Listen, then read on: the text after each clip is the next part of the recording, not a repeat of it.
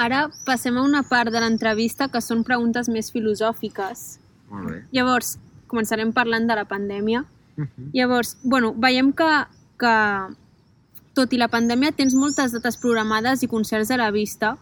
Volem preguntar-te com vas viure el moment de confinament, com et va afectar, si has viscut una època més introspectiva, d'altres més creativa, d'altres d'angoixa, o tot una mica. Com va ser? Buah, bueno, ha estat tot, no? Tot un... Hem passat per tants puestos.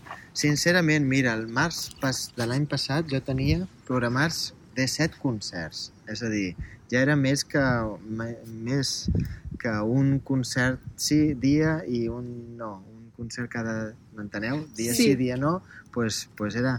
I hi havia concerts des del Nova York a Dinamarca i a molts... Era dir, hem arribat en aquest punt de treballar molt en els darrers quatre anys per aconseguir un calendari com el que hi havia el mes de març, abril, maig. Eren concerts molt internacionals, molt potents, festivals de Nova York, festivals de, del nord d'Àfrica, per França, totes les connexions amb Europa que tant el meu mànager com jo estàvem treballant i cultivant, a més de solidificar-nos més al país. També amb la presentació del Chicuelo, de la Sílvia, del, de, hi havia molts cos, moltes coses. Què passa? Tots se'n van orris i de repent tenim que quedar-nos a casa menjant-nos el mocs. Doncs pues bueno, jo tinc la sort de poder dir que porto des dels meus 20 anys fins als meus 33, quan va sortir la pandèmia, treballant molt. És a dir, tinc la sort d'haver pogut desenvolupar-me i de que d'alguna manera pues, dir, bueno, pues mira, ara toca parar, toca això, l'activitat professional eh, òbviament és un baixón, no, un no, no té ingressos, no té ajuts, estàs mm, que et vens a baix, però jo amb la boca petita i humilment pues, sempre dic que tinc sort de poder haver també treballat molt i de poder tenir uns estalvis que m'han permès pues, dir, mira, pues, no m'agobio, no faig concerts, però estic a casa, que tampoc estava mai a casa, doncs pues mira, està a casa. pues al cap de tres mesos ja la meva companya es va quedar embarassada i acabem de tenir el fill Milos, que acaba d'arribar fa 15 dies. pues això són coses que potser si, si no hi hagués hagut pandèmia pues jo estaria tocant i de voràgine i no hagués parat. pues el parar també ens ajuda a tots a reflexionar en quin món vivim, en quin món volem viure, a quin nivell d'estrès portem, què és el que volem que no. Soc molt conscient de que, clar, no és el mateix que et passi en 33 anys que et passi en 21, però també és cert que si te passa en 21, doncs bienestar perquè ja en 23-24 tindràs el, la primavera que et durarà per molts anys. Vull dir, tot està en contínua evolució i a ningú li va bé una parada mundial No. ni una pandèmia mundial. Ningú li va bé. Els qui tenien molts diners i que acabaven de comprar un hotel per 10 milions d'euros estaven fotuts. Doncs pues bueno, i dius, però si tu tenies 10 milions d'euros, sí, però els he invertit, doncs pues estàs fotut. El qui no tenia cap inversió i tenia il·lusió de fer uns viatges, doncs bueno, també està fotut perquè tampoc podia fer el que volia. És a dir, no llueve nunca a gusto de todos. Però lo important és també recordar una mica com el pantarrei d'Heràclit, el filòsof grec, pues que mai ens banyem al mateix riu, és a dir, ens banyem les aigües sempre estan contínuament circulant i quan et fiques ara sobre aquest riu ja no són les aigües que et vas banyar fa un any, ja som diferents. La pandèmia ens ha fet créixer també, ens ha fet sentir eh, que som éssers humans més que mai, no? I, de, I jo, precisament, en els mesos d'abril i estava aquí, aquí on estem ara fent l'entrevista, amb aquestes vistes, em pujava al terrat de casa meva, a les taulades directament, i mirava els ocells i mirava els núvols, que per mi és algo tan musical com, eh, pues no sé, a vegades escoltar un disc. Pues, saps què te vull dir? Pues no hay mal que por bien no venga. Pues mira, tenc temps lliure, pues puc llegir un llibre, puc estudiar piano, que no tenia temps d'estudiar piano, vaig composar el disc de Talisman, jo què sé, saps? Vaig fer coses. I, i, i sí, va haver uns moments d'estar de, ensorrat, perquè sóc una persona que necessita pues, sortir de casa i passar-s'ho bé i tal, pues, bueno, pues, t'has de prendre també a estar més tranquil·let a casa. Uh, des de l'1 de juliol, que es van començar a tornar activitats, uh, a obrir les activitats una miqueta, pues, he tingut la sort de ser un dels noms en aquest país que han tingut ganes de programar pues, en diferents festivals d'Espanya de, i d'Europa, el que s'ha pogut.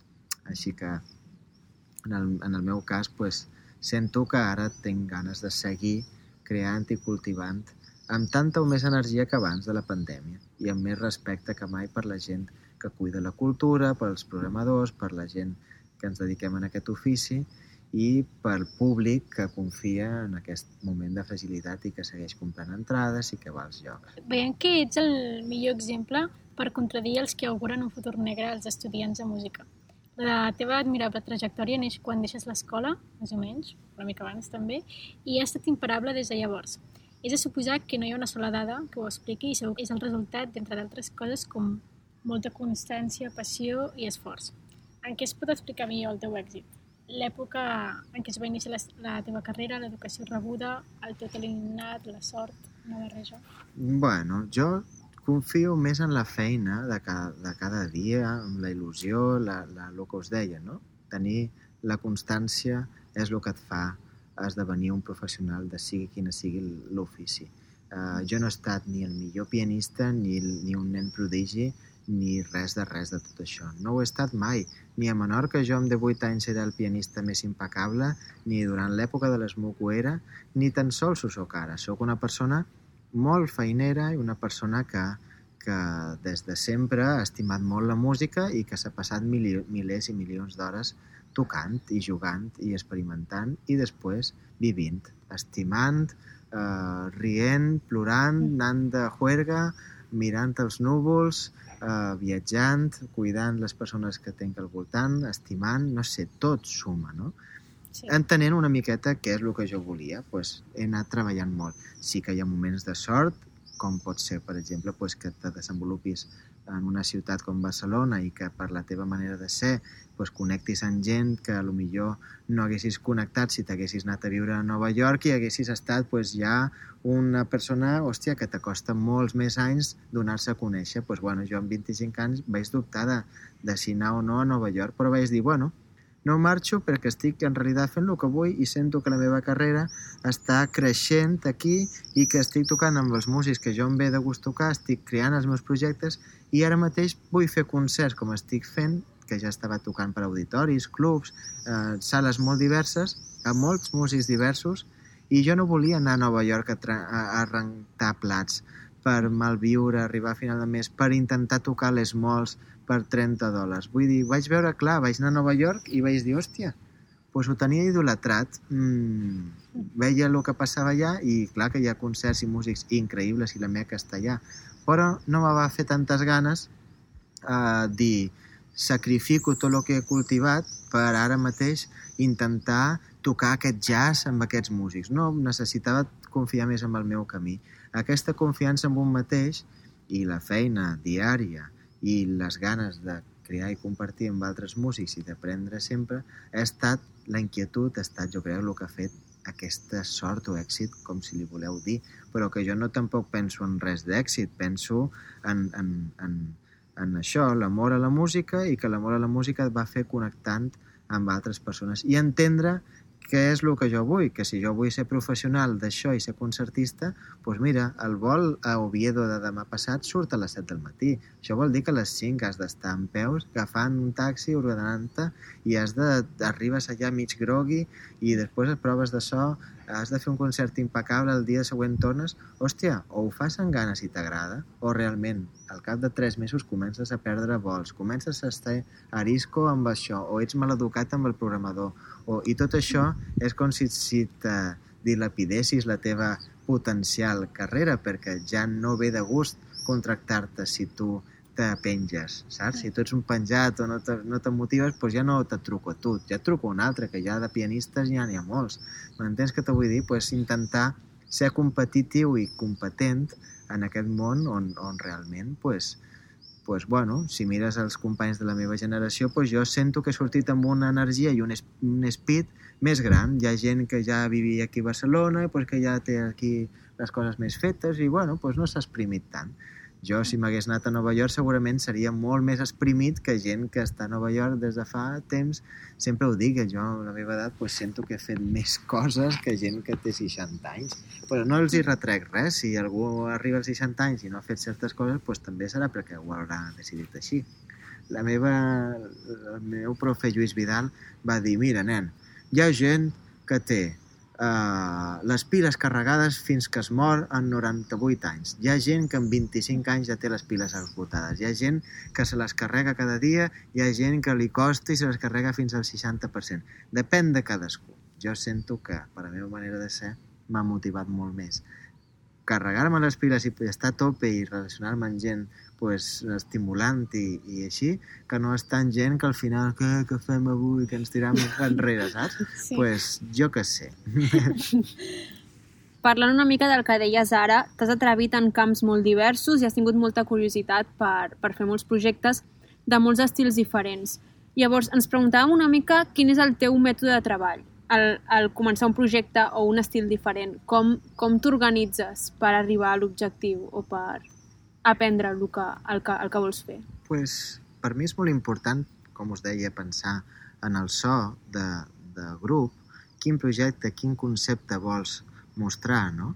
Uh, què, què vols dir, no? Què, què vols dir en la, la música? Uh, I que cada projecte tingui alguna de tu i que sigui diferent, perquè si tot sona igual, doncs llavors no sé quina és la motivació. La motivació és de dir, doncs mira, amb en Chicuelo he trobat una via i un filon i amb els somnis de Rebel o amb Talisman he buscat una altra manera de crear, de composar, i això es fa a partir de visualitzar. Per mi la visualització és molt important. Pensar, visualitzar. Moltes vegades dic, jo assajo o estudio mirant un punt a la paret, no tocant, sinó mirant un punt a la paret molt fixament i escoltant, pensant, dir, hòstia, què m'imagino? Uau, hòstia, doncs m'agradaria això. O escolto una cosa que m'emotiva i dic, hòstia, m'encantaria pues, crear alguna a partir d'això, o veig un músic que m'apassiona, com podia ser l'Aleix Tobias, amb qui tinc ganes de crear, i pues, venga, el truco i començo a assajar, a crear alguna amb ell, i es crea alguna personal, algo únic que no crearies amb una altra bateria perquè t'aporta altres coses. Per tant, el meu trio ara oficial és amb l'Aleix Tobias i el Martí Meléndez, un cel·lista i un multipercussionista. El trio MAP és un baterista i un saxo alt. El trio amb en Chicuelo és un guitarrista flamenc i un percussionista cajonero i piano. És a dir, formacions molt diferents. El trio de jazz, Antonio Massia, de, de contrabaix, piano i bateria, doncs ho té en Campieris o amb My Friend Marco, etc etc. Penses els músics que vols tocar amb els músics que vols tocar i a partir d'aquí te vas inspirant o creant coses per potenciar-los i que ells te potenciïn. Això per mi ha estat molt, molt important. Potenciar les oïdes, l'escolta i el respecte entre els músics que passen i com a, i com a sideman també. Si em truquen per al Joan Vidal Sextet, per exemple, en qui he gravat tres discos brutals, pues intento entendre com escriu el Joan Vidal, com pensa, com sent la música, com què em demana, què vol de mi, què puc aportar en aquell lloc. Llavors és quan tu dius, ah, ok, doncs vaig cap aquí, i, o un altre grup vas cap a un altre lloc. I quan més mm, colors tinguis en la teva paleta de colors, doncs més pintures pots crear. Però a vegades, doncs mira, hi ha artistes que tenen només pinten en blau, i, i el blau és la seva carta, i en un blau tenen una paleta apassionant, tenen molts més blaus dels que jo tinc, per exemple, perquè han treballat el blau molt més profundament. I tu truques a aquell artista i tu a aquell artista no li diràs és que jo volia un vermell i te dirà és que m'has trucat a mi. Tu, Clar. si em truques a mi, jo et faré el blau. I hi ha artistes que són més versàtils o menys. Doncs, pues, bueno, jo m'han trucat per gravar discos de free i m'han trucat per gravar discos de nota a nota, el que hi ha. He gravat improvisacions lliures amb el Carles Marigó, he gravat estàndards amb el, amb el uh, Dave Lindman o amb el, el Lee Konitz, i he tocat flamenc i toco les meves composicions i les dels altres perquè entenc la música, l'estimo la música i, i sé que el que jo vull és intentar portar el que demana la música en aquell moment. I ja està, formar part d'un col·lectiu i de que tothom aporti el millor que pugui aportar. Això és per mi la recepta ideal. Hi ha vegades que formes part d'un equip que està doncs, més imposat, doncs, formes part d'un quintet o una orquestra d'una formació cambrística més gran perquè t'han escollit així, doncs, bueno, és un repte. I sempre m'ha agradat també, eh, ja t'he dit, no sur, surt, o sigui, sortir de lo que és la teva zona de confort, també, perquè si no sempre tocaries amb els mateixos. I jo vaig dir, no, no, jo vull tocar amb el Masa Kamaguchi, grandíssim contrabaixista japonès, que a priori no era el meu millor amic, Mm. Però jo volia tocar amb ell perquè la seva música m'apassionava i m'apassiona. I vull fer música amb ell. Hòstia, doncs t'apropes amb ell i connectes. Volia, volia tocar amb el David Xirgo, volia tocar amb el meu germà Pablo Selnik. Doncs cada un és una relació brutal i diferent. Per tant, aquí hi ha la, la il·lusió, no? Cada, cada vincle s'ha de cuidar i, Mm. i si va bé, doncs es converteix en una relació per molts anys. Si no va bé, doncs mira, fas uns concerts o uns discos i s'acabó. Personalment, crec fermament que la música i les matemàtiques procedeixen d'una mateixa arrel en naturalesa i que formen part del mateix però està expressat de forma diferent. Llavors, creus que l'estudi profund de l'aritmètica o la geometria afavoreix la comprensió musical i poden aportar sensibilitat a l'hora de la creació? O, en altres, o resumit, com que hi ha matemàtiques dins la música i viceversa? I tant, el que acabes de dir, sens dubte, es poden enriquir i, i traduir en un art absolutament geomètric o, o matemàtic i, i tal. Pot ser que tu com a creador puguis tenir aquesta, aquest ideal o aquesta connexió o aquesta revelació o aquesta visió ja, per exemple, només amb el cercle de quintes i totes les figures que d'allà poden sortir les connexions, pots fer realment, vamos, des de Messiaen a, a lo que sigui, hi ha molta connexió amb aquestes figures, no?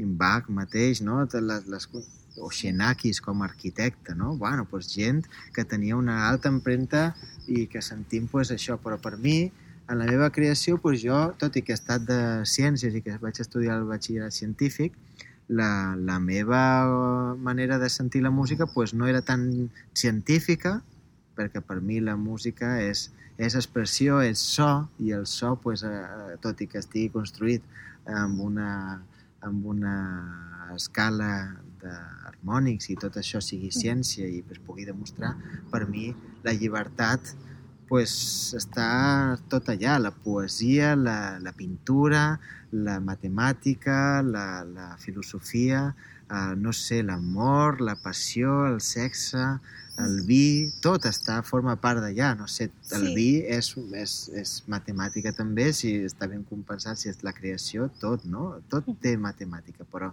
la creació que jo vull és com trobar una miqueta una pedra preciosa o, o or o algo que dius, uah, he trobat aquí algo i, bueno, pues no sé en quin lloc de l'escala periòdica és això, però jo sé que aquí tinc algo especial, no? Sí. no sóc una persona erudita en aquest sentit ni, ni, ni, ni matemàtica ni tampoc absolutament humanista, però sí que tot m'inspira, no? Tot m'inspira i crec que forma part. I ja músics, doncs fa poc vaig anar a una conferència de la Laura Borràs, es deia, o ara no sé, però que era bàsicament matemàtica i música. I era com, com una persona absolutament experta i volcada i la seva música pues, era molt minimal, era una miqueta estil Xenakis o aquesta manera de composar pues, molt fractal, etc etc. Sí. Tots són idees que te poden inspirar i si connectes genial. Jo en la meva música no he fet mai cap cançó fractal ni, ni res de tot això però a lo millor d'aquí 10 anys tinc una revelació geomètrica i tot ho faig a partir de, de la proporció àurea o de, de la sèrie de Fibonacci. Llavors, parlant una mica d'aquesta sensibilitat que expliques, ens preguntem si hi ha un punt espiritual amb la teva relació amb la música, és a dir, si, si hi ha o sents un canal de certes energies, etc o alguna més místic quan toques. I tant. Jo el que, jo que, lo que sento és molt més això, molt més proper a, a l'experiència vital. Mm, tampoco quiero ir ahora de, de chamán ni nada, però sí que hi ha algo profund en tot això i la meva manera de sentir la música des de petit ha estat de profunda connexió i evasió, com una meditació. I jo sóc músic gràcies a la quantitat de milers d'hores on jo he meditat amb la música. Jo m'he passat milers d'hores tocant i assaborint un do dòric, o un mi frigi, o un fa eh, mix solidi, o els modes, no? assaborir-los, sentir-los, totes les tonalitats, tenir-les, passar-se mil, mil hores fins que les tens en mans de tota, i que cantes, i que crees, i que connectes la qüestió psicomotriu amb la qüestió eh, mental i, i la qüestió del cantar, la connexió, i, i passar-se hores fa que el vincle i la relació amb l'instrument sigui cada vegada més profunda. I jo, per mi, eh, la, la, la major il·lusió és quan estic un dia remogut o m'ha passat alguna cosa, pues, uf, seure al piano i tocar, dir, ai, ara vull un la bemol major, lidi, oh, i em calma i em posa puesto, uf, i sento que torno a estar connectat amb mi mateix. O, o això, hi ha molts moments d'estrès, de vols, de viatges, de proves de so, de reptes, de, de la part d'ofici. Ofici de dir, he d'estar tocant en aquesta ciutat, en aquesta hora, he d'estar simpàtic, ben vestit, maco amb el públic, bla, bla, bla, signar discos, bla, bla, encarregar-se de tot. Bueno, això és la part d'ofici. De repent dius, hòstia, uf, he fet uns acords a la prova de so i he tocat, o els concerts d'improvisació lliure del, dels pianos sols són bàsicament meditacions on jo el que vull és volar molt alt i mm, sentir-me el més connectat i lliure possible. I això, clar, demana de moltes hores d'estudi, però demana també aquesta il·lusió en la música de dir, pues, vull connectar i let yourself go. I cap allà on anarem, pues, benvingut serà. I a partir d'aquí, pues, ja veurem si tens més o menys concerts genials, si agrades a més gent o menys, pues, genial. Ja depèn, ja l'altre ja veurem. Però sí que la connexió espiritual per mi ha estat des del primer moment i, i crec que això és algo que sí que no sé si es pot assajar o no. És algo que ja es veu amb un nen quan vol ballar i es passa hores ballant o pintant i no saps per què, ningú l'ha obligat, però ja, hòstia, passaria hores fent això perquè l'apassiona. És una miqueta, com diuen els japonesos, ikigai, no? L'ikigai és trobar una miqueta el, el, allò que t'apassiona, allò que et manté despert, allò que, el per què de la vida, no? Mm -hmm. Hi ha gent que troba l'ikigai cuidant les plantes, hi ha gent que troba l'ikigai cuidant nens o educant, hi ha gent que ho descobreix composant d'una manera, hi ha gent que ho descobreix pues, fent pa, fent alguna que diguis, hòstia, això és, és el que jo he vingut a fer al món. Que a partir d'aquí puguis viure d'allò o no és un altre tema. Però el que ens importa és que cadascú trobi almenys una motivació a la vida que et mantengui despert i, i, i i que t'apassioni pues, la lectura o l'escriptura o jo que sé, l'ornitologia. no? Diu, ah, el meu ikigai és anar a un lloc i estar 10 hores escoltant els ocells. pues, això és una cosa que espiritual. I per últim, on, on et podem trobar? Tema xarxes socials, concerts, el millor és anar a la teva pàgina web? O... A la meva pàgina web poso tots els concerts a la meva agenda, tot ho actualitzo jo. Uh, tenc allà la sessió de vídeos, de fotos, Uh, hi ha el contacte del management també i després a les xarxes socials, el Facebook, pàgina de Facebook i Instagram és el que estic emprant i ho moc tot jo. Mm. Tenia Twitter, però ara fa molt de temps, jo crec que des de la pandèmia que ni, ni l'he obert. Estic a Twitter, ai, a Instagram, Facebook i després la web. I, bueno, abans d'acabar, et farem tres preguntes ràpides i curtes que s'han d'intentar contestar el més ràpid possible. Molt bé. Un llibre que recomanaries? Pues m'encanta... Va, Seda de Barico. Uh -huh. Un àlbum o obra? Àlbum o? O una obra musical? Bueno, l'àlbum blanc dels Beatles, uh -huh. el paradigma de, de la postmodernitat en l'any 67, brutal. I una pregunta a fer-se un mateix? Uf, què vull fer avui? Uh -huh. Molt bé. Doncs moltes gràcies, agraïm molt aquesta molt entrevista i estar aquí, en aquest lloc. Ha estat especial, no? Sí, Clar, sí. És un puesto molt bonic. Super ja us dic que una miqueta també veure les coses en perspectiva, no? Fa I que com també... dona molta pau i aquells sí. ocells. Sí, sí, sí. Jo ja t'he dit que és un dels llocs on, on m'he sentit més a gust i m'ha donat menys angoixa quan he sentit que la, això, la pandèmia em fotia molt, no? Mm. I vaig, vaig posar un post durant el confinament que va ser com molt celebrat, mm. que vaig posar... Uh, hoy tenía que estar tocando en el Lincoln Center de Nueva York, en el, en el Festival de Nueva York con Chicuelo. Pero en vez de eso he aprendido a hacer canelones en casa y también estoy muy contento. Així que, bueno, trobar-li una miqueta la, la, jo què sé, estem aquí, no? Pues estem en una entrevista amb vosaltres, pues venga, estem aquí i ara. Si no, si estic aquí amb vosaltres i estic pensant que vull estar amb el meu fill, que estic perdent el temps i que això s'està fent llarg, doncs, uh -huh. doncs ja no ho estic fent bé, ja no estàs connectat. I, i en la vida hem d'intentar sempre, sempre no arrepentir-nos de lo que estem fent. Estem aquí, doncs estem aquí. Que no vols estar a Barcelona? Doncs vés en una altra ciutat. Uh -huh. Però si, però si estàs aquí, no remuguis d'estar aquí. Busca la vida per no estar aquí. estar allà on vols estar. Si te'n vas a un altre lloc i descobreixes que no estàs segur, t'has de començar a mirar si realment ets tu que ets un inconformista que no, no ets capaç d'estar bé en lloc, no? Uh -huh. I això es veu molt en les relacions afectives, en les relacions de parelles. Dius, hòstia, no, és que no m'aguanta ningú. Doncs pues fes-t'ho mirar. Clar. Però si dius, no, no aguanto a ningú, bueno, fes-t'ho mirar, perquè també què és la culpa de la gent o la culpa teva? Teva. Tot pot ser, però sí que sento que, que això és una decisió important també en, en la carrera i en les decisions d'un, perquè si jo vaig decidir fer la, la, agafar la plaça de jazz en l'SMUC, era perquè jo volia ser algo més creatiu que no el pianista de, de clàssica que ha de tocar el repertori canònic, tocar-lo tan bé com... I al final, per què? No, jo volia tocar la meva música i fer la meva història. Que no he deixat de tocar clàssic? Genial. Que no he deixat de seguir creixent, però tenir clar què és el que tu vols. I a partir d'aquí, uh, ja veuràs.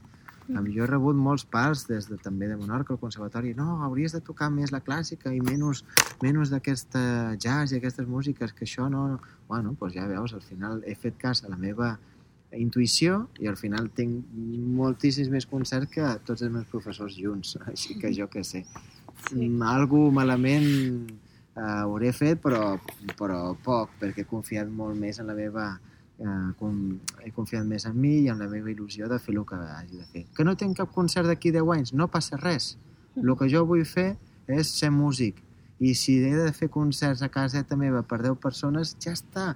Si jo sóc feliç amb això, ja està. El problema és quan un està en un lloc i no gaudeix de fer el que fa. Això sí que és un problema. I li hem de posar amor a cada professió. El que fa net li ha de posar amor. El qui reparteix o està de cajero li ha de posar net. Li ha de posar il·lusió. Eh, si no, se't veu a la cara i això ens anem amargats de la vida.